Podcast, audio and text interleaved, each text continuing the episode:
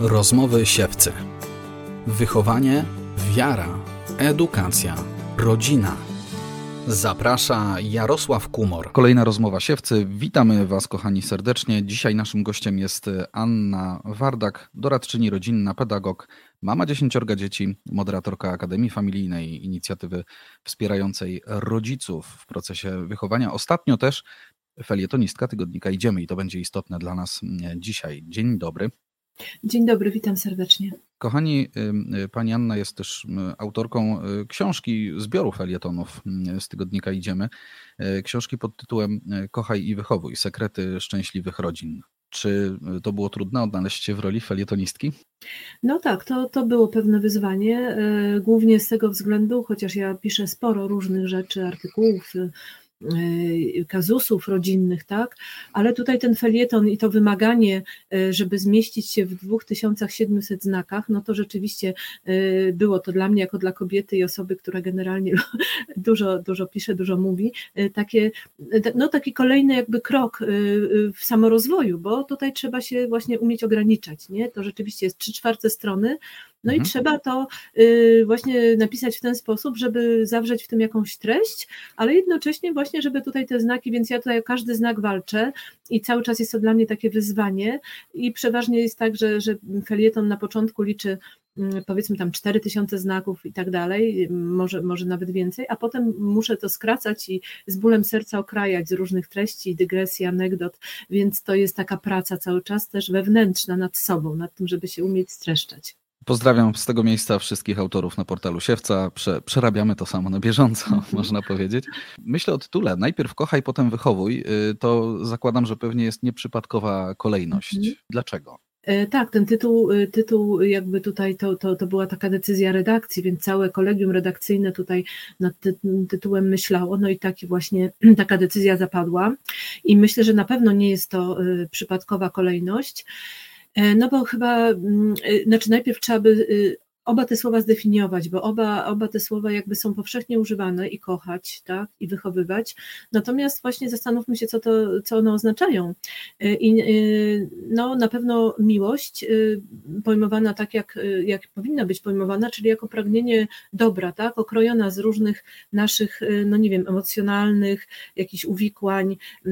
Wydaje nam się czasami, że kochać dziecko to znaczy właśnie pozwalać mu na wszystko, tak, i, i jakby czynić, żeby ono nie tyle było szczęśliwe jako dorosły człowiek, ale zadowolone w tej chwili. Czasami boimy się właśnie wymagać, bo dziecko będzie niezadowolone, bo, bo będzie nieszczęśliwe, natomiast nie widzimy tej długiej perspektywy, że tak naprawdę naszym celem jako rodziców ta miłość rodzicielska polega na tym, żeby wychować je na wartościowego, szczęśliwego, y, spełnionego życiowo człowieka. Więc jakby dobre pojmowanie tego pierwszego słowa, miłość, i potem dobre pojmowanie tego, co to znaczy wychowywać.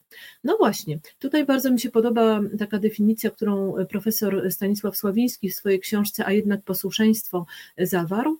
I on tam pisze, że wychowywać tak naprawdę znaczy mm, nie tyle walczyć z dzieckiem, bo czasami mamy taki bardzo płytki, bardzo taki prozaiczny obraz tego wychowania. My po prostu czasami użeramy się z tymi dziećmi, rodzice są zmęczeni tym, po prostu mają dosyć i, i jakby też odpuszczają czasem, tak, to wychowanie, mówią, no nie, jesteśmy bezradni, dajmy sobie spokój, bo to jest, y, po, widzą to wychowanie jako ciągłą walkę właśnie z dzieckiem, z jego słabościami, tak, różnymi y, przeciwnościami, natomiast właśnie profesor Sławiński pisze w taki mądry sposób, że to nie jest nie walka z dzieckiem, ale towarzyszenie dziecku mądre na długim dystansie, bo ten proces wychowawczy trwa bardzo, bardzo długo, nie?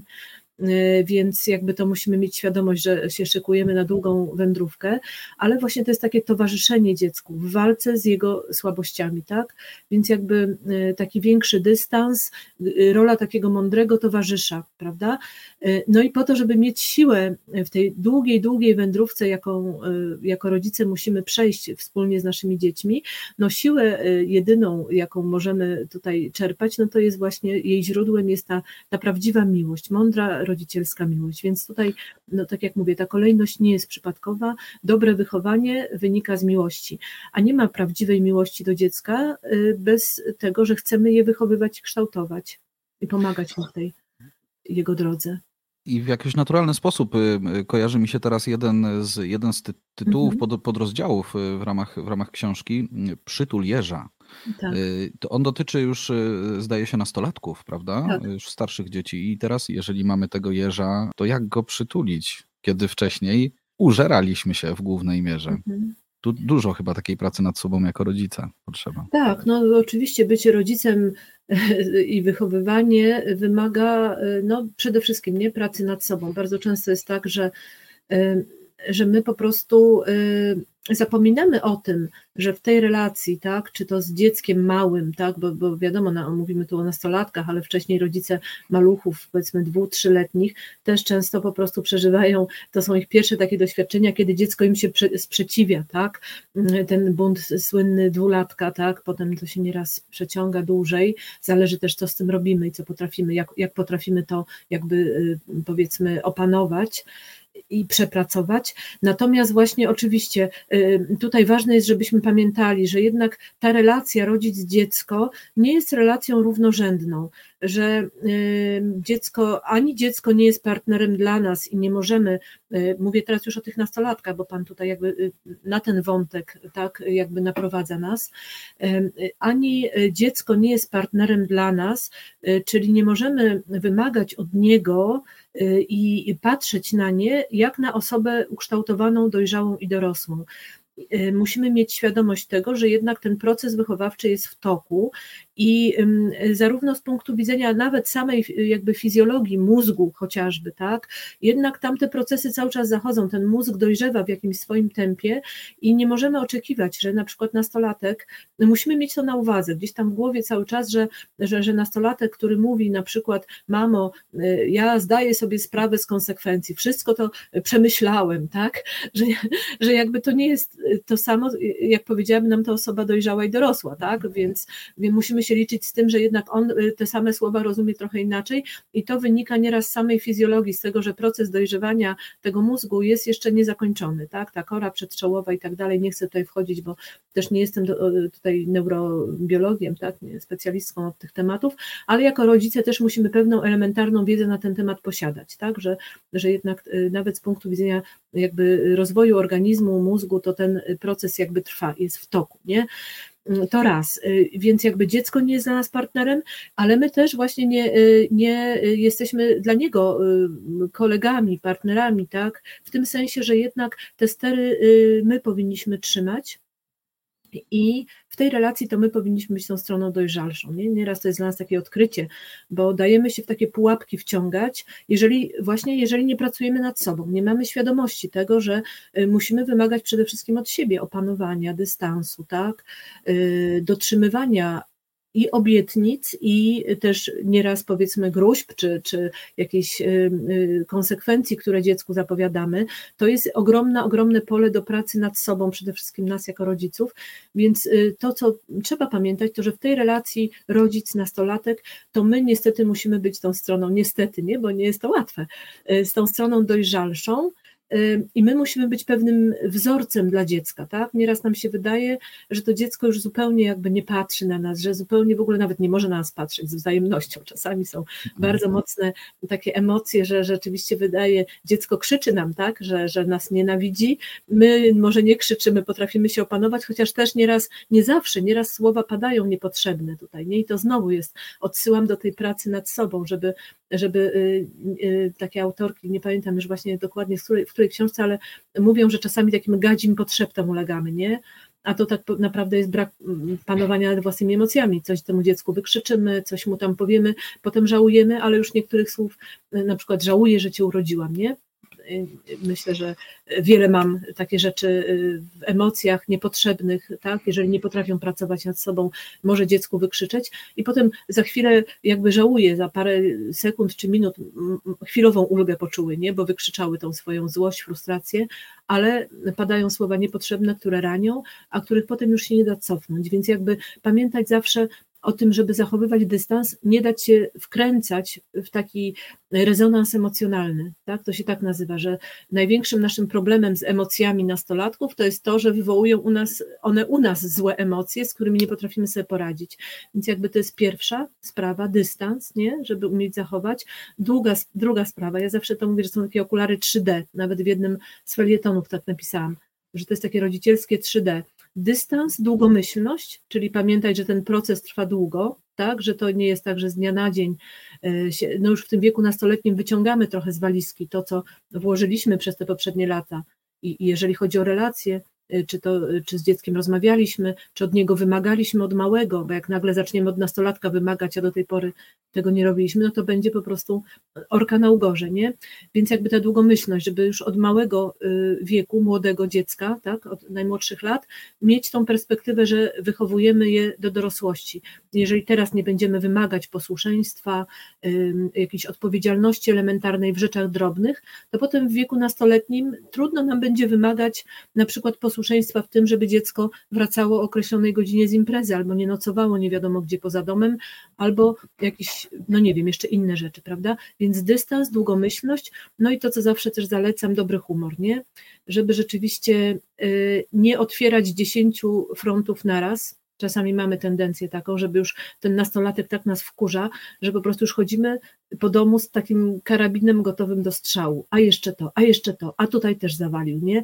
I otwieramy 10 frontów, żadnej batalii nie kończymy, y, a jednocześnie nie dostrzegamy, jak wiele dobrych cech on w sobie ma, to nasze dziecko, nie? Bo po prostu, właśnie mówię, czasami jak są takie sytuacje, że, że nie wiadomo, czy śmiać się, czy płakać, zawsze lepiej się śmiać, nie? I próbować obrócić w żart, próbować nie stawiać spraw na ostrzu noża, tylko po prostu wiedzieć, o jakie dwie, trzy sprawy warto walczyć, warto wymagać, a jakie sprawy odpuścić, nie? Dla dobra naszych relacji, bo nie ma wychowania bez, nie ma formacji bez, bez relacji, nie? Jak my mhm. wszędzie poprzecinamy te relacje i będziemy tylko jakby zawieszać się na tym, co jest złe, no to jakby nie wskuramy nic z dzieckiem. To będzie mur, opór i, i, i coraz gorzej będzie, także dystans, długomyślność i dobry humor. Myślę, że to może nam pomóc.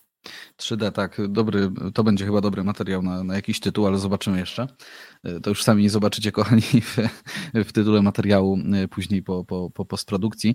Mm, e, jeżeli chodzi o ten dystans, który nam się przewija, myślę, dość, dość często i może być trudny dla nas jako, jako rodziców, żeby tak emocjonalnie się jakby wycofać, wyciszyć i, i, i właśnie spojrzeć z pewnej perspektywy e, na zachowanie dziecka, Tutaj pewnie dużą rolę grają temperamenty. To oczywiście będzie teraz takie uogólnienie, ale mam, mam, może ja mam wśród swoich znajomych po prostu dużo takich małżeństw i moje mniej więcej tak też funkcjonuje, że to żona jest bardziej ekstrawertyczką, a ja jestem bardziej mhm. introwertykiem. Mi jest łatwiej się zdystansować i z kolei tym bardziej jeszcze wtedy postawić się w roli takiej, no dobra, to ja tu jestem ten spokojny rodzic, który teraz zaprowadzi porządek i moją żonę tutaj uspokoję i dzieci uspokoję i jaki ja jestem tutaj wspaniały. Mhm. Natomiast y, ten rodzic, który jest bardziej ekstrawertyczny, potrzebuje więcej takiej pracy nad sobą w, taki, w takim układzie? Takiej osobie będzie trudniej się właśnie zdystansować? Czy to jest takie szufladkowanie? Znaczy trudno odpowiedzieć jednoznacznie, bo, bo jakby każdy jest y, inny i oprócz temperamentu, oczywiście, tak, to, to jest, jest to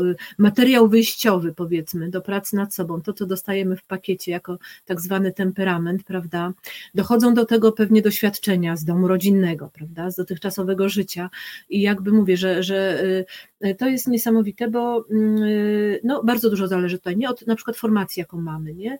Y, I osoby, które tak naprawdę, nie? Osoby, które pracują nad swoim charakterem, mówię już o osobach pewnym wieku, tak, no bo to zupełnie inaczej też patrzymy na dzieci, na, na te osoby, które są w procesie, tak, tak zwanym wychowania, dojrzewania, ale jeżeli już zakładamy, że w pewnym momencie y, no, do, do, końca życia jakby nie pracujemy nad sobą, nie? I to jest tak, że, że do końca życia pewne rzeczy nam wyłażą i, i nawet sama spowiedź powiedzmy, nie? Każdy z nas, y, myślę, spowiada się mniej więcej z tych samych rzeczy przez długi, długi czas tutaj wierzymy też oczywiście w to działanie łaski, nie? że po to się jakby też spowiadamy i jakby idziemy do tego lekarza dusz, żeby dostać lekarstwo na swoje konkretne choroby e, i, i słabości i dlatego musimy o nich szczerze mówić, tak jak lekarzowi w gabinecie, nie? Mówimy szczerze, co nas boli, a nie próbujemy to kombinować i zatajać, bo wtedy, bo wtedy jakby to się mija z celem.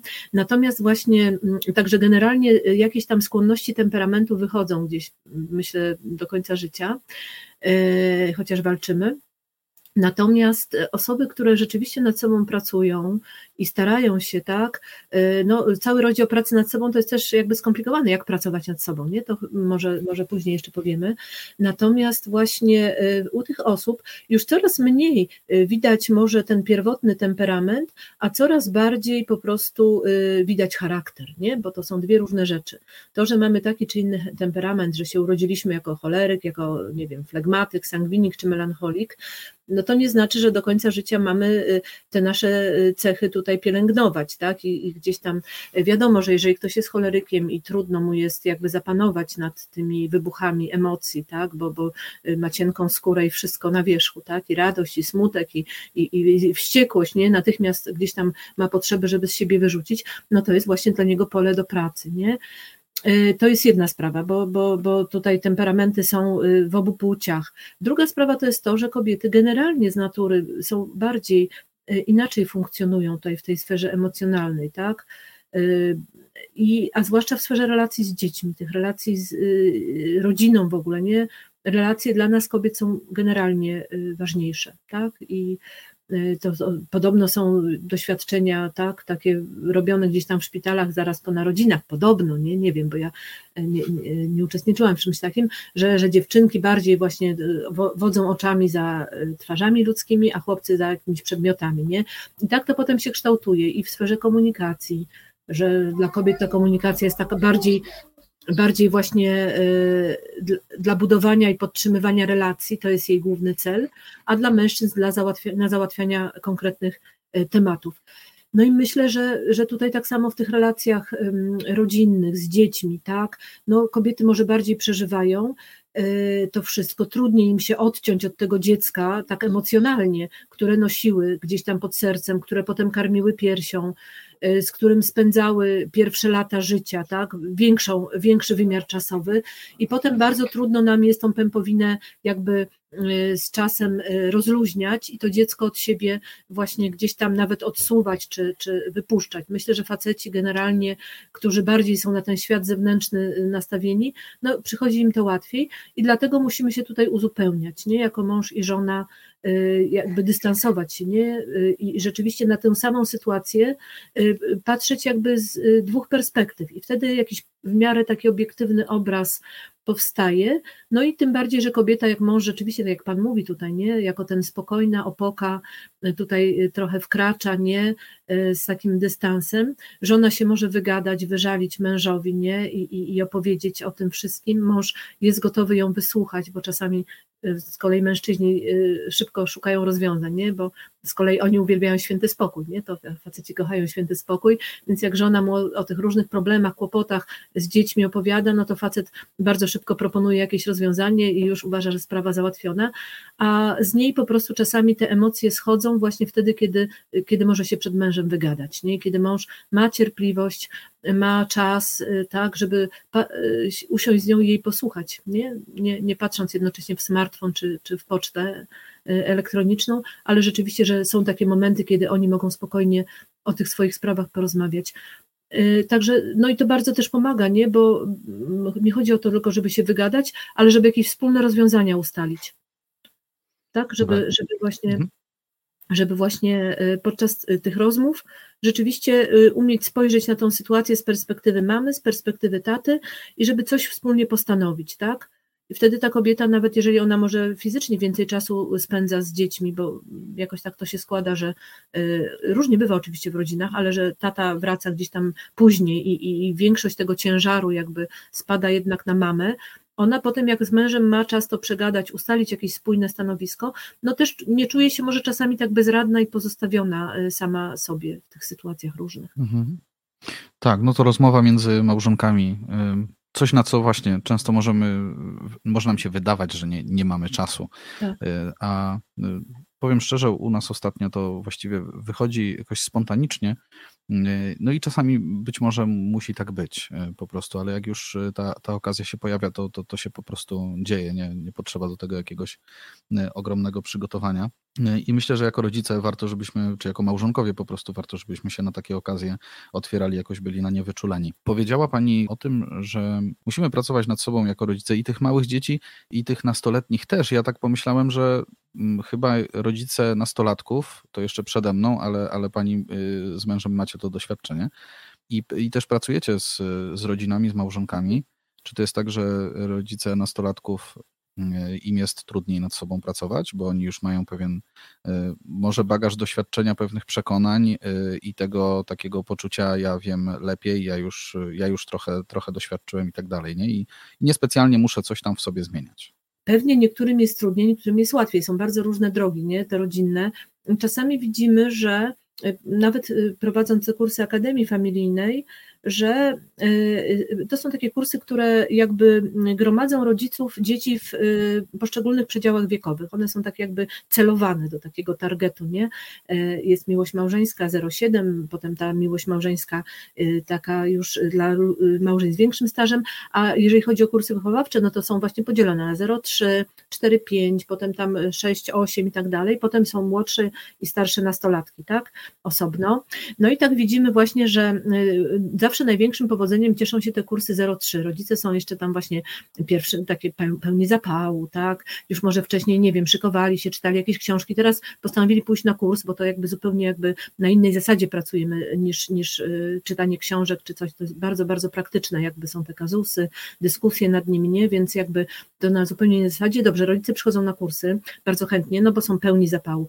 Potem te środkowe kursy, gdzieś tam właśnie y, y, rodzice przysypiają, już jest mniejsze mniejsze zainteresowanie, mniejsza frekwencja, tak powiedzmy y, tam te 6, 10, no bo rodzicom się może wydaje, że no już opanowali tutaj wspaniale tą sztukę rodzicielstwa, no i po prostu mogą jechać na tym, tak, już do końca życia, że już tak dużo wiedzą, mają doświadczenie, no mają jedno, dwoje czy troje dzieci tam takich y, już powiedzmy, wydaje mi się, że odchowanych, tak, bo, bo, bo już z pampersów wyrosły, a potem nagle zaczyna się znowu po prostu wielki y, szturm na te kursy dla nastolatków, bo nagle się okazuje, że jednak przysnęliśmy trochę, tak, że gdzieś tam to wychowanie już nam się wydawało, że mamy już taką rutynę, doświadczenie, że już samo się wszystko dzieje i że nie musimy nad tym pracować i nagle w wieku nastolat, nastoletnim właśnie niespodzianka, nie? I okazuje się, że jesteśmy bezradni, że nie wiemy tak naprawdę, nie co robić, że dzieci nas przed takimi wyzwaniami stawiają, że po prostu, no i znowu w takim razie szukamy jakiejś pomocy, szukamy kursów, nie? E, no, także, także właśnie widać to, nie? Że, że, że, że ten proces wychowawczy, jeżeli się już za, za wcześnie, no jak to się mówi, pycha kroczy przed upadkiem, nie? Że jeżeli za wcześnie już uwierzymy w to, że wszystko wiemy, nie musimy już też ze sobą rozmawiać jako rodzice, no bo już doskonale znamy swoje dzieci, tak? Już wiemy, mamy te etykietki, ten jest taki, ten jest taki, nie? A potem właśnie życie potrafi nas bardzo zaskoczyć i znowu szukam pomocy i bardzo dobrze, nie? E, także y, są, są takie rodziny y, i y, na pewno, na pewno potem właśnie, a nieraz są takie rodziny, które w ogóle na przykład nie chodzą na te pierwsze kursy, tak, ani jakby trochę, trochę to wychowanie właśnie y, może jako rodzice y, źle pojmują, nie? I, I to błędy, jakie możemy popełnić jako rodzice, to jest całe jakby szerokie spektrum, nie? To nie jest takie trudne, czasami wystarczy nie robić nic, nie? I mając dziesiątkę dzieci tak jak ja, y, to po prostu też wydaje się, o kurczę, to już w takiej rodzinie, no to dzieci po prostu no same się wychowują właściwie, nie? Jedno, drugie i tak dalej. Wcale tak nie jest, nie? Natura ludzka jednak ma swoje jakby znamiona, tak, i jednak jest skażona tym e, właśnie, e, możemy to nazwać grzechem pierworodnym, e, możemy to nazwać inaczej, ale jednak jeżeli nie staramy, wszystko co dobre wymaga wysiłku, nie? To widzimy.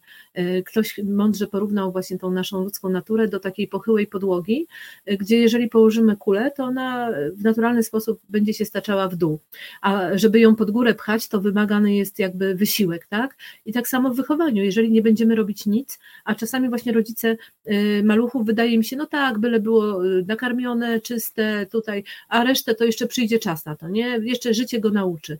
A y, właśnie James Stenson w tej książce właśnie Ojciec Strażnik Rodziny pisze, że jeżeli od małego nie będziemy pracować nad tym, żeby eliminować te wady dzieci, no każde dziecko, nie można sobie mówić, tam niektóre są teorie, że dzieci się rodzą idealne i, i tylko należy im nie przeszkadzać, ale widzimy to jako rodzice, y, jak trzeźwo patrzymy na życie, że te nasze słodkie dzieci, te nasze słodziaczki małe, jednak każdy z nich ma tą w sobie, żeby garnąć do siebie, żeby te zabawki wyrywać, żeby być na pierwszym miejscu i w centrum uwagi, żeby ten największy kawałek ciasta jednak dla siebie zgarnąć, nie? Jeżeli my temu świadomie nie będziemy przeciwdziałać jako, jako rodzice, no to tak jak właśnie Stenson mówi, z małego wady dzieci rosną razem z nimi, nie? Wady dzieci rosną razem z nimi. Na początku to są drobne rzeczy, mały leniuszek, tak, któremu się nie chce y, odnieść talerzyka, nie? A potem z tego wyrasta wielki leń, jeżeli my to będziemy za niego robić i, i potem coraz większe rzeczy. Mały egoista, który właśnie zawsze wyrywa innym zabawki w piaskownicy, jeżeli nie będziemy nad nim pracować, no to on wyrośnie na wielkiego egoistę, i który będzie się uważał za pępek świata, y, któremu, wokół którego wszystko ma się kręcić. Więc jakby to jest, y, są różne drogi rodzicielskie i, i, i, i którymi i różne rodzaje błędów, którymi, które możemy popełnić. I potem też efekty w wieku nastoletnim y, są jakby y, różne. To jest y, dla mnie bardzo ciekawe i odkrywcze, że ten środkowy etap to jest taki etap często uśpienia właśnie, mhm. gdzie, gdzie tak sami też widzicie u siebie, że ta frekwencja wtedy spada, rodzice trochę przysypiają to w takim razie ja muszę teraz uważać pomału. No Natomiast jeszcze bym skierował y, kolejne pytanie znowuż na, na nastolatków, y, którzy, którzy jakby, jeżeli zainwestujemy w relacje z nimi, to będziemy zbierać tego owoce y, właśnie w tym wieku nastoletnim. I tak mhm. czasami sobie wyobrażam, że, że właśnie inwestuję dużo w relacje z moimi dziećmi po to, żeby w wieku nastoletnim mieć mniej e, właśnie jakiegoś mm, użerania się, bardziej umieć się porozumieć, e, uniknąć ostatecznie czegoś takiego, co nazywamy pewnym takim buntem nastoletnim, jakimś momentem oddalenia się od rodziców. Czy to jest tak, że w ogóle da się tego, czegoś takiego właśnie uniknąć? Powiemy hasłowo buntu, ale pod tym kryje się mhm. sporo pewnie. Tak. O, no znaczy to są jakby dwa wątki, nie? Raz ten bunt właśnie, to co my nazywamy buntem nastoletnim, y, który musimy właśnie rozumieć, tak jak ja powiedziałam właśnie na początku, że musimy mieć y, jako rodzice, tak, pewną elementarną wiedzę, nie? To jest takie ciekawe, że mm, właśnie y, bardzo często jakby ponad 90% społeczeństwa polskiego, tak, deklaruje w badaniach socjologicznych, że największą wartością jest dla nich rodzina, i że najwięcej szczęścia i spełnienia, i to jest prawda oczywiście, nie, bo widzimy to wszyscy, że, rodzi, że ludzie, którym tam, nie wiem, no biznes nie wyszedł, czy coś, e, e, czy, czy jakaś firma splajtowała, no to pod koniec życia jakby, no dobra, no przeszli nad tym do porządku, gdzieś tam drugi biznes założyli, a rodzic, ludzie bardzo często pod koniec życia właśnie, którzy jakby zaniedbali wychowanie dzieci, albo rozpadło im się małżeństwo, nie gdzieś to dźwigają do końca życia, więc jakby ja wierzę w to i sama jestem przekonana, że faktycznie ta rodzina i te relacje rodzinne Y, to jest najważniejszy biznes naszego życia, nie? I że, że tutaj, jak tutaj nam nie wyjdzie, to my, my to dźwigamy do końca gdzieś w sercu i nasze dzieci też to poniosą dalej, nie? Jako traumy, to też widzimy wokół siebie dużo takich sytuacji naprawdę, jak pracując z różnymi rodzinami. Natomiast właśnie mm, z drugiej, z jednej strony deklarujemy to, tak? Ta sfera deklaratywna, a w praktyce niestety y, dokształcamy się w różnych innych dziedzinach, tak? Bo praca, bo to, bo, bo, bo nawet nasze pasje, nie czytamy dużo z tego, y, co nas interesuje, a w tej sferze rodzinnej jakby gdzieś czasami no, jakoś to będzie, nie? E, no i dlatego wracam do tego, że y, potrzebna jest elementarna wiedza dotycząca rozwoju nastolatka i tego, dziecka w ogóle, tak? I tego, że ten okres nastoletni niesie w sobie w pewien naturalny sposób taki zdrowy bunt przeciwko generalnie zastanej rzeczywistości, tak? Ja to czasami, a w tym przeciwko tej rzeczywistości rodzinnej. Ja to czasami porównuję do takiego mm, właśnie, do takiego obrazka, że y, to dziecko, właśnie małe dziecko, ono buduje swój obraz świata y, z takich klocków, jakim podsuną rodzice, nie? I razem, i według projektu rodziców, nie? Taki domek z klocków buduje, nie? To nieraz z dziećmi bawimy się na podłodze, tam Lego czy jakieś inne klocki, budujemy wspólnie domek z klocków, tak? No i teraz właśnie przychodzi ten wiek nastoletni, przychodzi czas, żeby ono y, właśnie y, zaczęło budować swój własny, według swojego własnego projektu. Y, z klocków być może, tak? Tych, które gdzieś tam rodzice mu podsunęli, które ma w zasięgu wzroku, więc jakby te elementy nasze, które, które gdzieś tam dzieciom podsuwamy jako dobre modele budowania dorosłego życia, gdzieś tam to wszystko jest, ale jednocześnie jakby ono musi zacząć budować samodzielnie, tak, według swojego własnego wzorca. To nie jest tak, że ono przez całe życie będzie według naszego projektu miało, bo po prostu nie będzie się w nim czuło komfortowo. Każdy musi ten swój dom dla siebie sam zbudować. No i właśnie to nieraz odbywa się w sposób gwałtowny, nie? Ale y, nieraz, nieraz ja śmiałam się w jednym z felietonów właśnie, że nieraz niektóre dzieci, to też jest kwestia pewnie temperamentu, tak, y, relacji, y, pewne, rozwalają ten domek jednym kopnięciem, tak, gdzieś tam rozpryskują się te klocki i to dziecko, no znajduje się na takim wielkim wielkim placu budowy. Ono musi sobie teraz na nowo te klocki po swojemu poukładać. No i właśnie to jest jakby ten bunt, nie? To jest to, że ono, żeby przejść do tej dorosłości, to ono musi po prostu no, ten swój model wypracować. I to się odbywa nieraz łagodniej, nie? nieraz bardziej gwałtownie. To właśnie też zależy od, od, od tego, jak na to rodzice reagują, nie? czy idą na konfrontację, na, na zwarcie, y, jak często to robią, nie? Czy, czy jednak mają te rzeczy przemyślane, co jest dla nas ważne, czego musimy bronić, których przyczółków nie możemy odpuścić, a gdzie możemy odpuścić, gdzie, y, gdzie możemy po prostu, y, no my w domu też mamy oczywiście nastolatków całą, całą masę, nie, i każdy jest na swoim etapie i, i sytuacja jest dynamiczna. I to, co ja jako mama i też razem jakby z mężem, tak, tutaj rozmawiamy o tym, staram się robić, to opierać się na tym, co nas łączy, nie? Bo nieraz jako rodzice po prostu zawieszamy się, albo źle się uczy, albo nie chodzi do kościoła, albo coś tam, albo się buntuje, albo nie chce brać udziału, nie wiem, w posiłkach rodzinnych, no to po prostu to jest dla nas tak bolesne, jeżeli nie, nie mamy tego dystansu, jeżeli nie rozumiemy y, tego, że my nie przeżyjemy życia za nasze dzieci, że one nie będą żyły według modelu, który my im wyznaczymy, tak? I z tym się trzeba pogodzić, to trzeba jakby y, wpisać w koszty rodzicielstwa, bo to nieraz boli, tak? Nieraz rani, nieraz boli. No tak, miłość w ogóle boli, nie? I miłość małżeńska i zawsze najlepiej e, właśnie jak e, tak, możemy nie kochać nikogo i nikt wtedy jakby obudować się, otorbić w jakichś swoich tam, prawda, sądach i tak dalej. Natomiast jeżeli kogoś kochamy, jeżeli jesteśmy mm, z kimś związani także emocjonalnie, no to wiadomo, że jesteśmy bardziej podatni na zranienia z jego strony i dokładnie dotyczy to relacji z dziećmi.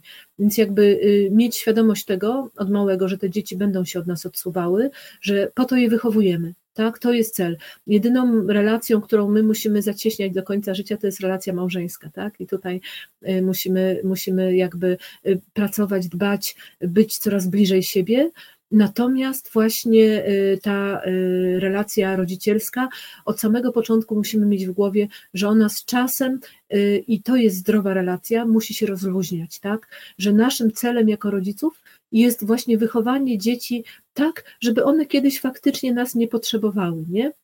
Że, że to nie jest tak, że one do końca życia mają nas potrzebować, bo to jest właśnie bardzo niedobre, nie? jeżeli one się nie usamodzielnią. Natomiast naszym szczęściem rodzicielskim będzie to, że będziemy widzieć nasze dzieci, yy, które żyją samodzielnie, które nas nie potrzebują, ale które mimo wszystko na przykład y, zwracają się do nas o poradę, nie? bo to jest jakby taka, to jest kolejny jakby duży temat y, autorytetu rodzicielskiego, tego naturalnego na samym początku, gdzie te dzieci po prostu są w nas patrzone, bo jestem mamą, bo jestem tatą i jestem dla mojego dziecka e, naj, najmądrzejszym szeryfem we wsi, najpiękniejszą księżniczką, a potem stopniowo te dzieci patrzą na nas bardziej realistycznie, widzą nasze wady, e, ale e, to jest właśnie ten czas, kiedy my budujemy w ich oczach ten autorytet prestiżu. Nie przez to, kim jesteśmy, że jesteśmy mamą, że jesteśmy tatą i masz mnie słuchać, bo jestem twoim ojcem, ja ci tak mówię, ale słuchają nas dlatego, że y, mamy w ich oczach prestiż, bo jesteśmy y, y, właśnie nie ze względu na to, kim jesteśmy, ale jacy jesteśmy, bo jesteśmy wewnętrznie spójni, bo to, co myślimy, to mówimy, oczywiście filtrując, tak, nie, nie w emocjach, ale też to, co mówimy, to robimy, tak, i widzą taką spójność w naszym życiu. I potem kiedyś już jak y, wychowamy je właściwie, tak, że nie będą nas potrzebować, że będą samodzielnymi ludźmi, to mimo wszystko będą się zwracać do nas na przykład poradę, chociaż nie będą już musiały. To nie będą te rady takie narzucane, tak? Musisz zrobić to czy tamto, ale to będą y, takie rady, po które one same jako dorosłe osoby się zwrócą, bo będziemy w ich oczach po prostu y, cieszyć się prestiżem, tak? Jako osoby takie właśnie spójne wewnętrznie. Mhm. No właśnie, ta spójność wewnętrzna mocno mi gdzieś gra w duszy, y, słuchając Pani, ale też jednocześnie to, że powiedziała Pani o pewnych bastionach naszej, naszej przestrzeni domowej, rodzinnej, które będą kwestionowane przez nastolatka, ale my musimy je obronić, y, bo to nie jest tak, że jak nastolatek nam zakwestionuje to, że nie wiem, jesteśmy wierzący, to, to, to nie jest tak, że teraz mamy być od tej pory niewierzący. No, i mhm. teraz, no i teraz właśnie ta spójność wewnętrzna, jeżeli ja jako rodzic y, wychowuję y, swoje dzieci w wierze, i, i, staram się być tym przykładem, no to na pewno to jest jeden z tych bastionów, które powinny pozostać i ta spójność tego, co deklaruję z tym, jak żyję, co robię jako rodzic, to może być pewnie duży kapitał dla, dla nastolatka, który będzie kwestionował, mhm. zakładam, przestrzeń wiary. To jest chyba w ogóle taki, taki mocny bastion, który przez nastolatków jest kwestionowany. U Was w domu to było, czy jest widoczne, że, że właśnie ta mhm. przestrzeń wiary, ona jest tak atakowana? tak, przez tak, dzieci oczywiście. nastoletnie? Mhm. Oczywiście, to jest jakby mm, no, cały jakby osobny, osobny temat, nie? Znaczy osobny mhm. w pewnym sensie, osobny, a w pewnym y, sensie jakby spójny z y, całym tutaj jakby życiem i tym procesem przekazywania wartości, tak? Bo też wychowanie jest oczywiście, tak? Każdy rodzic, myślę, gdzieś tam w głębi, ale też jakby o tym się rozmawia wprost, no chciałby, żeby dzieci przejęły, tak? Te wartości, ten system wartości, który dla nas jest istotny, tak? To jakby kształtując tego człowieka, no też pragnęlibyśmy tego dla niego, prawda? No i tutaj, ale z drugiej strony mamy cały jakby ogromny teren tej wolności, tak, ludzkiej, przed którą Pan Bóg nawet y, klęka, mówię w cudzysłowie, tak, obrazowo i, i, i gdzieś nie przekracza tego i nikogo nie chce zbawiać na siłę, tak? I to oczywiście, y, no my jako rodzice też jakby, no musimy pamiętać, że nie zbawimy naszych dzieci na siłę, znaczy w ogóle ich nie zbawimy, bo to nie my zbawiamy, nie, ale mówię to trochę w przenośni. No i teraz tak, no właśnie, jak to, jak to y, y, próbować ogarnąć, nie? Wiadomo, że tutaj ogromnie ważną rolę, to, to tak jak w każdym innym tutaj obszarze, pełni taki przykład, nasz, y, tak jak w innych obszarach, nie? jak chcemy dziecko uczyć, uczyć porządku, czy nie wiem, punktualności, czy, czy odpowiedzialności, no przede wszystkim y, tak, jest ta pedagogika nie bezpośrednia, nie? bo nieraz się mówi, że mamy obszar pedagogiki bezpośredniej, czyli to nasz przekaz werbalny, tak można powiedzieć, to co mówimy dziecku, rób tak, rób inaczej, nie rób tego, tak, to jest podobno 20% tego, co dzieci tak naprawdę przejmują. Natomiast całe 80% pozostałe to jest tak zwana pedagogika nie bezpośrednia, czyli to, co dziecko widzi, tak? To, co dziecko widzi, to przyswaja y, łatwiej, nie? 80%. I my byśmy czasami chcieli, żeby dzieci robiły to, co my im mówimy, a one robią to, co widzą, że my robimy sami. Także to jest jakby jedna sprawa. I w tej y, sferze wiary też to jest bardzo ważne, nie? Żeby dziecko od małego po prostu widziało rodziców żyjących swoją wiarą, ale tak autentycznie, nie? Jeżeli naprawdę nam zależy, no to po prostu y, no, musimy to pokazywać swoim życiem. I to wychodzi w różnych momentach, tak?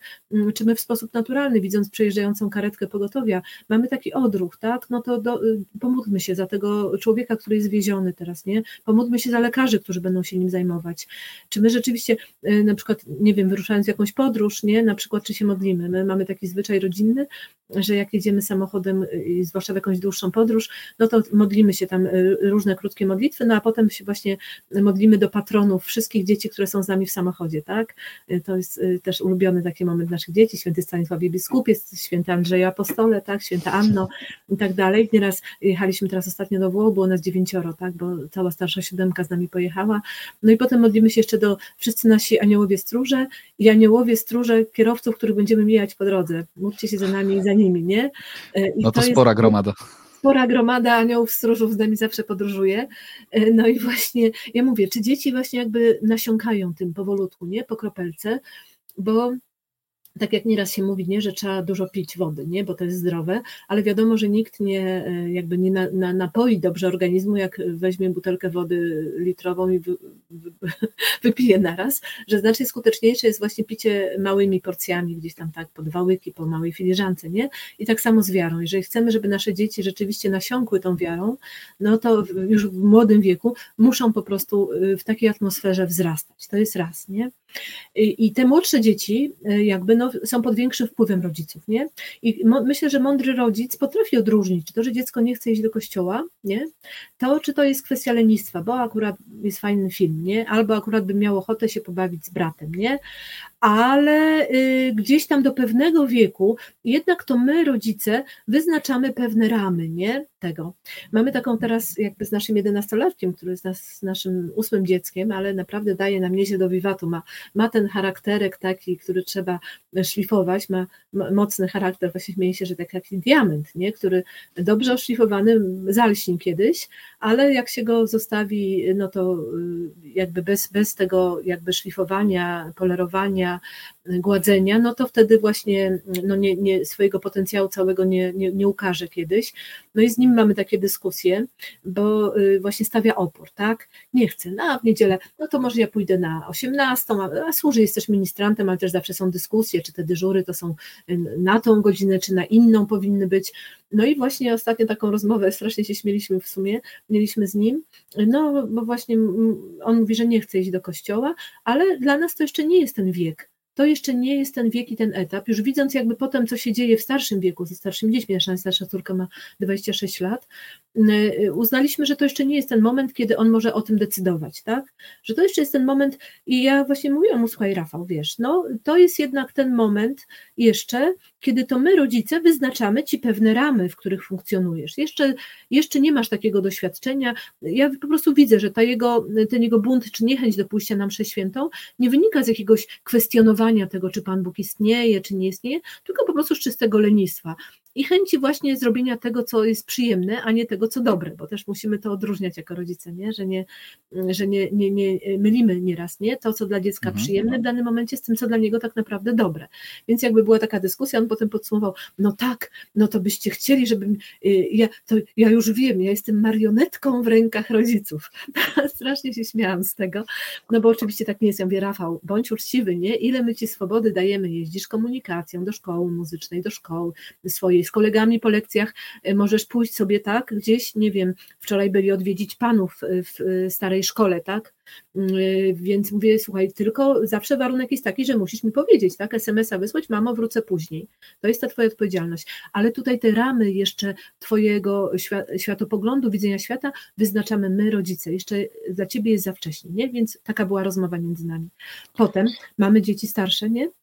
15 lat, powiedzmy, które y, właśnie y, z naszych dzieci teraz powiedzmy z dziesiątki, no to czwórka, tak, jakby kwestionuje wiarę, ale y, mówię, ta trójka młodsza, która jeszcze jest jakby pod naszym wpływem i my tutaj jakby kształtujemy ich światopogląd, ale właśnie z tych starszych mamy takie dzieci, które chodzą na mszę świętą codziennie na przykład, są w duszpasterstwie akademickim, y, same podjęły już jakąś formację, tak? I to widać, że one już przeszły, ja to się śmieję, przeszły na jasną stronę mocy, że tą wiarę uwewnętrzniły, nie? Że to jest właśnie już ich. Y, więc, więc jakby to jest tak, ale jest też grupka dzieci naszych, czwórka teraz, które z różnych przyczyn na przykład nie chodzą do kościoła, tak? Mówią, jeden syn mówi, no piętnastolatek, Pana Boga nie ma, bo ja go nie widzę, nie? I no więc oczywiście całe dyskusje, że powietrza też nie widać, a jednak jest i tak dalej, i tak dalej. Y, one nie są wrogo nastawione do Kościoła, nie? Nie, ale y, my jakby wymagamy szacunku dla naszej wiary, tak? Nie, nie, znaczy nie było takich prób. Czasami tam jakieś właśnie jedna z córek właśnie pracująca w korporacji, która wiadomo, no też nasiąka, bo też ta kultura współczesna, jakby no y, ten konsumpcjonizm, ten materializm, właśnie taki hedonizm, nie? Egoizm taki właśnie, nastawienie na siebie, tak? Na swoje jakby samorealizację, tak? Ja śmieję, że to jest takie też te ideologie samozbawienia, nie? Takiego, że, że, że, że ja tu sobie sam świetnie poradzę. Y, to po prostu jakby nie pomaga na pewno. Y, I y, jakby dzieci też tym nasiąkają. My wymagamy szacunku dla tego, w co my wierzymy. Na szczęście nasze dzieci jakby nie podejmują prób jakiegoś obrażania naszych, naszych przekonań czy tak dalej. My mamy szacunek do ich przekonań, mówimy, że szanujemy to, tak? Y, i próbujemy y, szukać tego, co nas łączy, wierząc jednocześnie, y, że po prostu Pan Bóg ma na każdego jakiś pomysł, nie? Nieraz słyszymy o nawróceniach w bardzo różnym wieku, nie? Ludzie naprawdę bardzo gorliwi teraz mówili, ja w pewnym momencie mojego życia odkryłem, że Pan Bóg istnieje. Gdzieś tam dotknął mojego serca, tak? I my dlatego staramy się zachować w tym wszystkim spokój, nie zmuszać do niczego. E, mieszkamy jeszcze z dwiema babciami, no i jedna z tych babci ma 90 lat, nie? I ona bardzo przeżywa to, że no to nie pójdziesz do kościoła, no w moim wieku, to e, jak byłam dzieckiem, to było nie do pomyślenia. A my mówimy, mamusiu, no i co? I teraz, e, czy ci ludzie, którzy są zmuszeni do tego, żeby pójść na mszę świętą, wrócą z tej mszy lepsi czy gorsi? I jak tego piętnastolatka, czy nie wiem, dziewiętnastolatka, ja zmuszę tak, do tego, masz iść do kościoła, bo mieszkasz w moim domu i masz się do tego stosować. Czy, je, czy to rzeczywiście wpłynie na jego rozwój wiary? Bo on wróci bardziej wkurzony na księdza, bo mu się będzie wszystko nie podobało, kazanie mu się, kazanie mu się będzie nie podobało, wszystko, po prostu wróci gorszy niż poszedł, nie? Więc ja uważam, że to nie ma sensu, że trzeba modlić się za te dzieci, żeby Pan Bóg dotknął ich serc, nie? E, żeby światło Ducha Świętego jakby otuliło ich rozum, żeby oni odkryli w sobie to jakby działanie Boga, Y, i żeby rzeczywiście, no Pan Bóg nas cierpliwie prowadzi przez życie, nawet nas, dorosłych, którzy myślimy o sobie jako o ludziach wierzących, tak, dojrzałych, jednak masę jednak y, jest jeszcze do zrobienia i Pan Bóg ma do nas cierpliwość, więc my też musimy mieć cierpliwość do swoich dzieci i, i modlić się za nie, tak, zawsze jest taka zasada właśnie, najpierw mów Panu Bogu o swoich dzieciach, a dopiero potem y, im o Panu Bogu, nie, więc i, myślę, że to bardziej ich przekona do wiary, jeżeli my będziemy potrafili tą swoją chrześcijańską radość mimo przeciwności zachować. I to będzie dla nich też takie świadectwo wiary, nie? Że, że, że, że nas to jakby, no mówię, że ta wiara nam pomaga przyjmować różne przeciwności, a ten e, brak właśnie wiary naszych dzieci jest taką też e, przeciwnością czy bólem dla nas. Mhm, tak, no y, i ten dystans nam wraca, tak myślę. Ze tak. spokojem jakby przyjmujemy te, e, te sytuacje i, i, z pewnego, i z pewnego dystansu potrafimy na nie spojrzeć. Ostatnia kwestia, którą chciałem poruszyć, to mm, żebyśmy też zostawili naszych, naszych słuchaczy, y, którzy mogą widzieć u siebie y, może jakąś y, stagnację czy, czy potrzebę mhm. zrobienia pierwszego kroku w pracy nad sobą. Jaki może być pierwszy krok? Ja wiem, że to pewnie trochę za ogólne pytanie, ale jaki może być mhm. pierwszy krok dla, dla rodzica w podjęciu pracy nad sobą? Tak. Przyjść do akademii, do akademii familijnej, to pewnie może być jakiś jeden z takich, z takich mm, sposobów, nie? Ale, mhm. ale nawet będąc jakoś sam ze sobą, w małżeństwie, w domu, co, co możemy zrobić jako taki właśnie pierwszy krok, żeby takiego dystansu jednak trochę, trochę złapać? No tak, no tak jak Pan powiedział, to jest bardzo jakby ogólne pytanie, bo każdy z nas jest na innym etapie, ma inne doświadczenia, z innego punktu startował, nie? Ale y, generalnie myślę, że już takim pierwszym y, dobrym krokiem dla każdego, nie?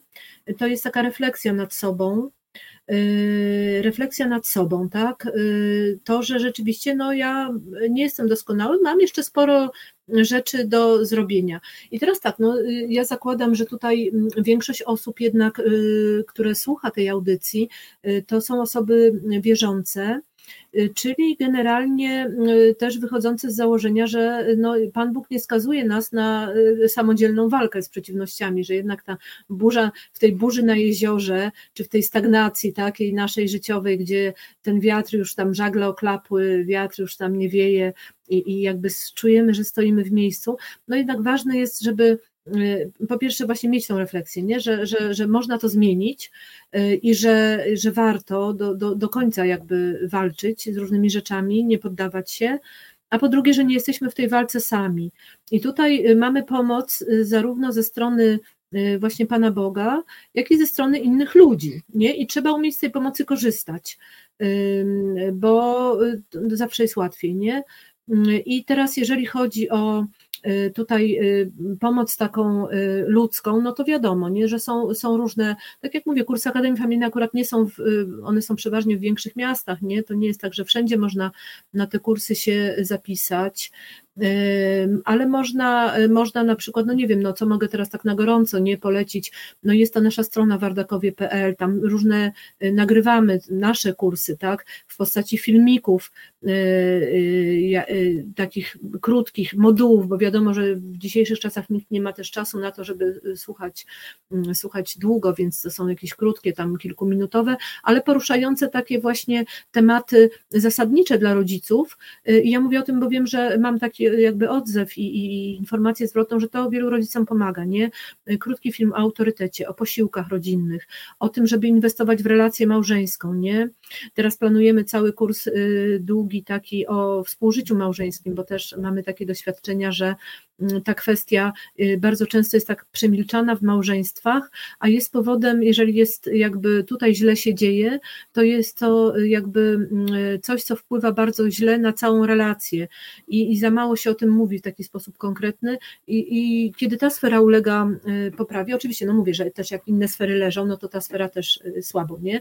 Ale jeżeli ta sfera jest zaniedbana, to wpływa to też negatywnie na pozostałe sfery, więc jakby planujemy też taki kurs, więc jakby takie konkretne narzędzia, nie materialne, żeby pewne y, inspiracje czerpać, konkretne, jak mogę, bo czasami ludzie już, już mają tą refleksję, że coś by tu trzeba zmienić, ale nie mają pomysłu jak, nie? Więc jakby mhm. my staramy się podsunąć takie narzędzia, jak to konkretnie zrobić, nie? Żeby nie czuć się takim jakby zagubionym tylko mieć y, y, konkretne podpowiedzi. Więc jakby tak, no czerpać, nie? Y, właśnie z kursów, od przyjaciół, z wykładów różnych, są różne webinary, no trzeba wiedzieć też z jakiego źródła, żeby to był jakby dobry przekaz, nie? Ale też zawsze bardzo taką rzeczą, którą ja polecam, to jest to, że kiedy czytamy jakąś książkę albo słuchamy jakiegoś wykładu czy jakiejś rozmowy, to żeby zawsze na koniec zrobić sobie konkretne postanowienia. Dlatego, że y, y, tak jak nawet w rachunku sumienia, już wchodząc w tą sferę bardziej taką duchową, jeżeli my zrobimy tylko rachunek sumienia, zakładam, że go robimy, tak, staramy się przynajmniej, i jeżeli tylko jakby powiemy sobie, no tak, no dobrze, to mi nie wyszło, to mi nie wyszło, y, to było dobrze, tak, Panie Boże, tak, tutaj jak Ty to widzisz, nie? Jeżeli na koniec nie podejmiemy mm, takiego konkretnego postanowienia, tak, to nazywa się rachunkiem szczegółowym, tak, więc teraz pozytywnie, co ja jutro zmienię, tak, tutaj dzisiaj pokłóciłam się z teściową, coś tam nakrzyczałam na dziecko, dobrze, więc co ja zrobię jutro, nad czym będę pracowała, co mi najbardziej nie wychodzi. No i w, dobra, no więc jutro jak teściowa będzie coś do mnie mówiła, no to ja się do niej uśmiechnę, tak? jeden raz to zrobię, drugi raz to zrobię, trzeci raz to zrobię i tworzy się we mnie pewien dobry nawyk, nie? Panowania nad sobą w takich trudnych sytuacjach. No więc ja zawsze zachęcam, żeby jak y, mamy jakieś treści do nas docierają i chcemy się nimi zainspirować, żeby robić bardzo konkretne postanowienia co ja w takim razie zrobię, nie? Yy, I tak samo właśnie, no nie wiem, w, w, jakichś rozmowach małżeńskich, no dobrze, to co konkretnie teraz zmieniamy, co zrobimy od jutra, tak? Dobra, będziemy, no to wstaniemy punktualnie i wtedy rano będziemy mieli więcej czasu, nie będziemy poganiać dzieci, pozwolimy im samodzielnie zawiązać buty, nie? I dzięki temu one pójdą krok do przodu, nie? A jak znowu wstaniemy za pół godziny za późno, no to będzie wszystko w pędzie, w nerwach i tak dalej. Więc są takie codzienne życiowe sytuacje, konkretyzować, nie? i potem no, starać się konkretnie y, i konsekwentnie to robić. Mm, to raz, y, więc to ta sfera cała ludzka, nie, do ogarnięcia. No i mamy tą pomoc z zewnątrz, nie, znaczy z zewnątrz, z wysoka, w tym sensie, że tam pomoc duchowa, mamy łaskę sakramentu, która nam, y, zapominamy o tym nieraz, nie? że bardzo nam ułatwia i, i, i możemy się modlić, nie? Panie Boże, nie dajemy sami rady tutaj, znowu się kłócimy, znowu nie mamy czasu, odkładamy różne rzeczy, znowu coś tam się dzieje. Panie Boże, no ale przecież mamy Twoją łaskę, jest nas y, właśnie troje do pary, nie? Nie, nie, nie jesteśmy sami z tym wszystkim. No i, y, i też to jakby konkretnie jakby czerpać z tej łaski, a jak to robić? No właśnie, e, na przykład, nie? E, bardzo, bardzo e, konkretny przykład. Starać się regularnie modlić, nie? Ta relacja z Panem Bogiem to się nie bierze znikąd, nie? Mamy różne możliwości, mamy mszę świętą. U nas w Polsce naprawdę mamy sytuację idealną. Teraz byliśmy we Włoszech przez parę dni i my widzimy, jak tam jest, nie? We Włoszech czy we Francji, gdzie już od dawna misjonarze z Afryki przyjeżdżają, tak? Ewangelizować, a we Włoszech też 10 y, parafii połączonych w jedną, jeden ksiądz, raz msza tutaj, raz y, kolejnego dnia, codziennie szukaliśmy mszy świętej, bo bo codziennie staramy się uczestniczyć. Y, na drugi dzień zupełnie w innym kościele, gdzieś tam trzeba się orientować dobrze, nie? gdzie, którego dnia. My mamy sytuację idealną i teraz mówienie na przykład, że nie mam czasu na codzienną mszę świętą, Dobrze, to jest pół godziny. I zobacz, ile czasu spędzasz w mediach codziennie, ile czasu marnujesz na inne rzeczy, i mówisz sobie tak, a dobra, no jak mi starczy czasu, dobra, jak mi starczy czasu, to się pomodlę, nie?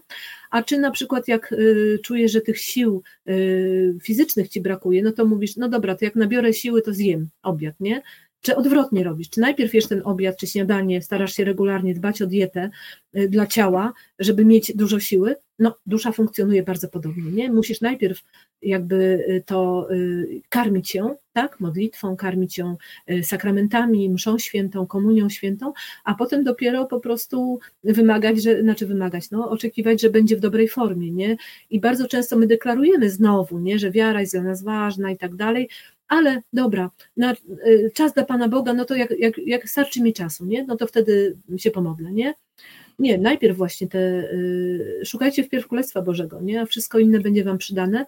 I ja naprawdę y, widzę i, i czytam y, książkę na przykład Rozy Pik, mamy 18 dzieci, nie wiem, czy Pan miał okazję, ona w Hiszpanii mieszka, ale właśnie na pytanie swoich koleżanek, Roza, jak ty to robisz, nie?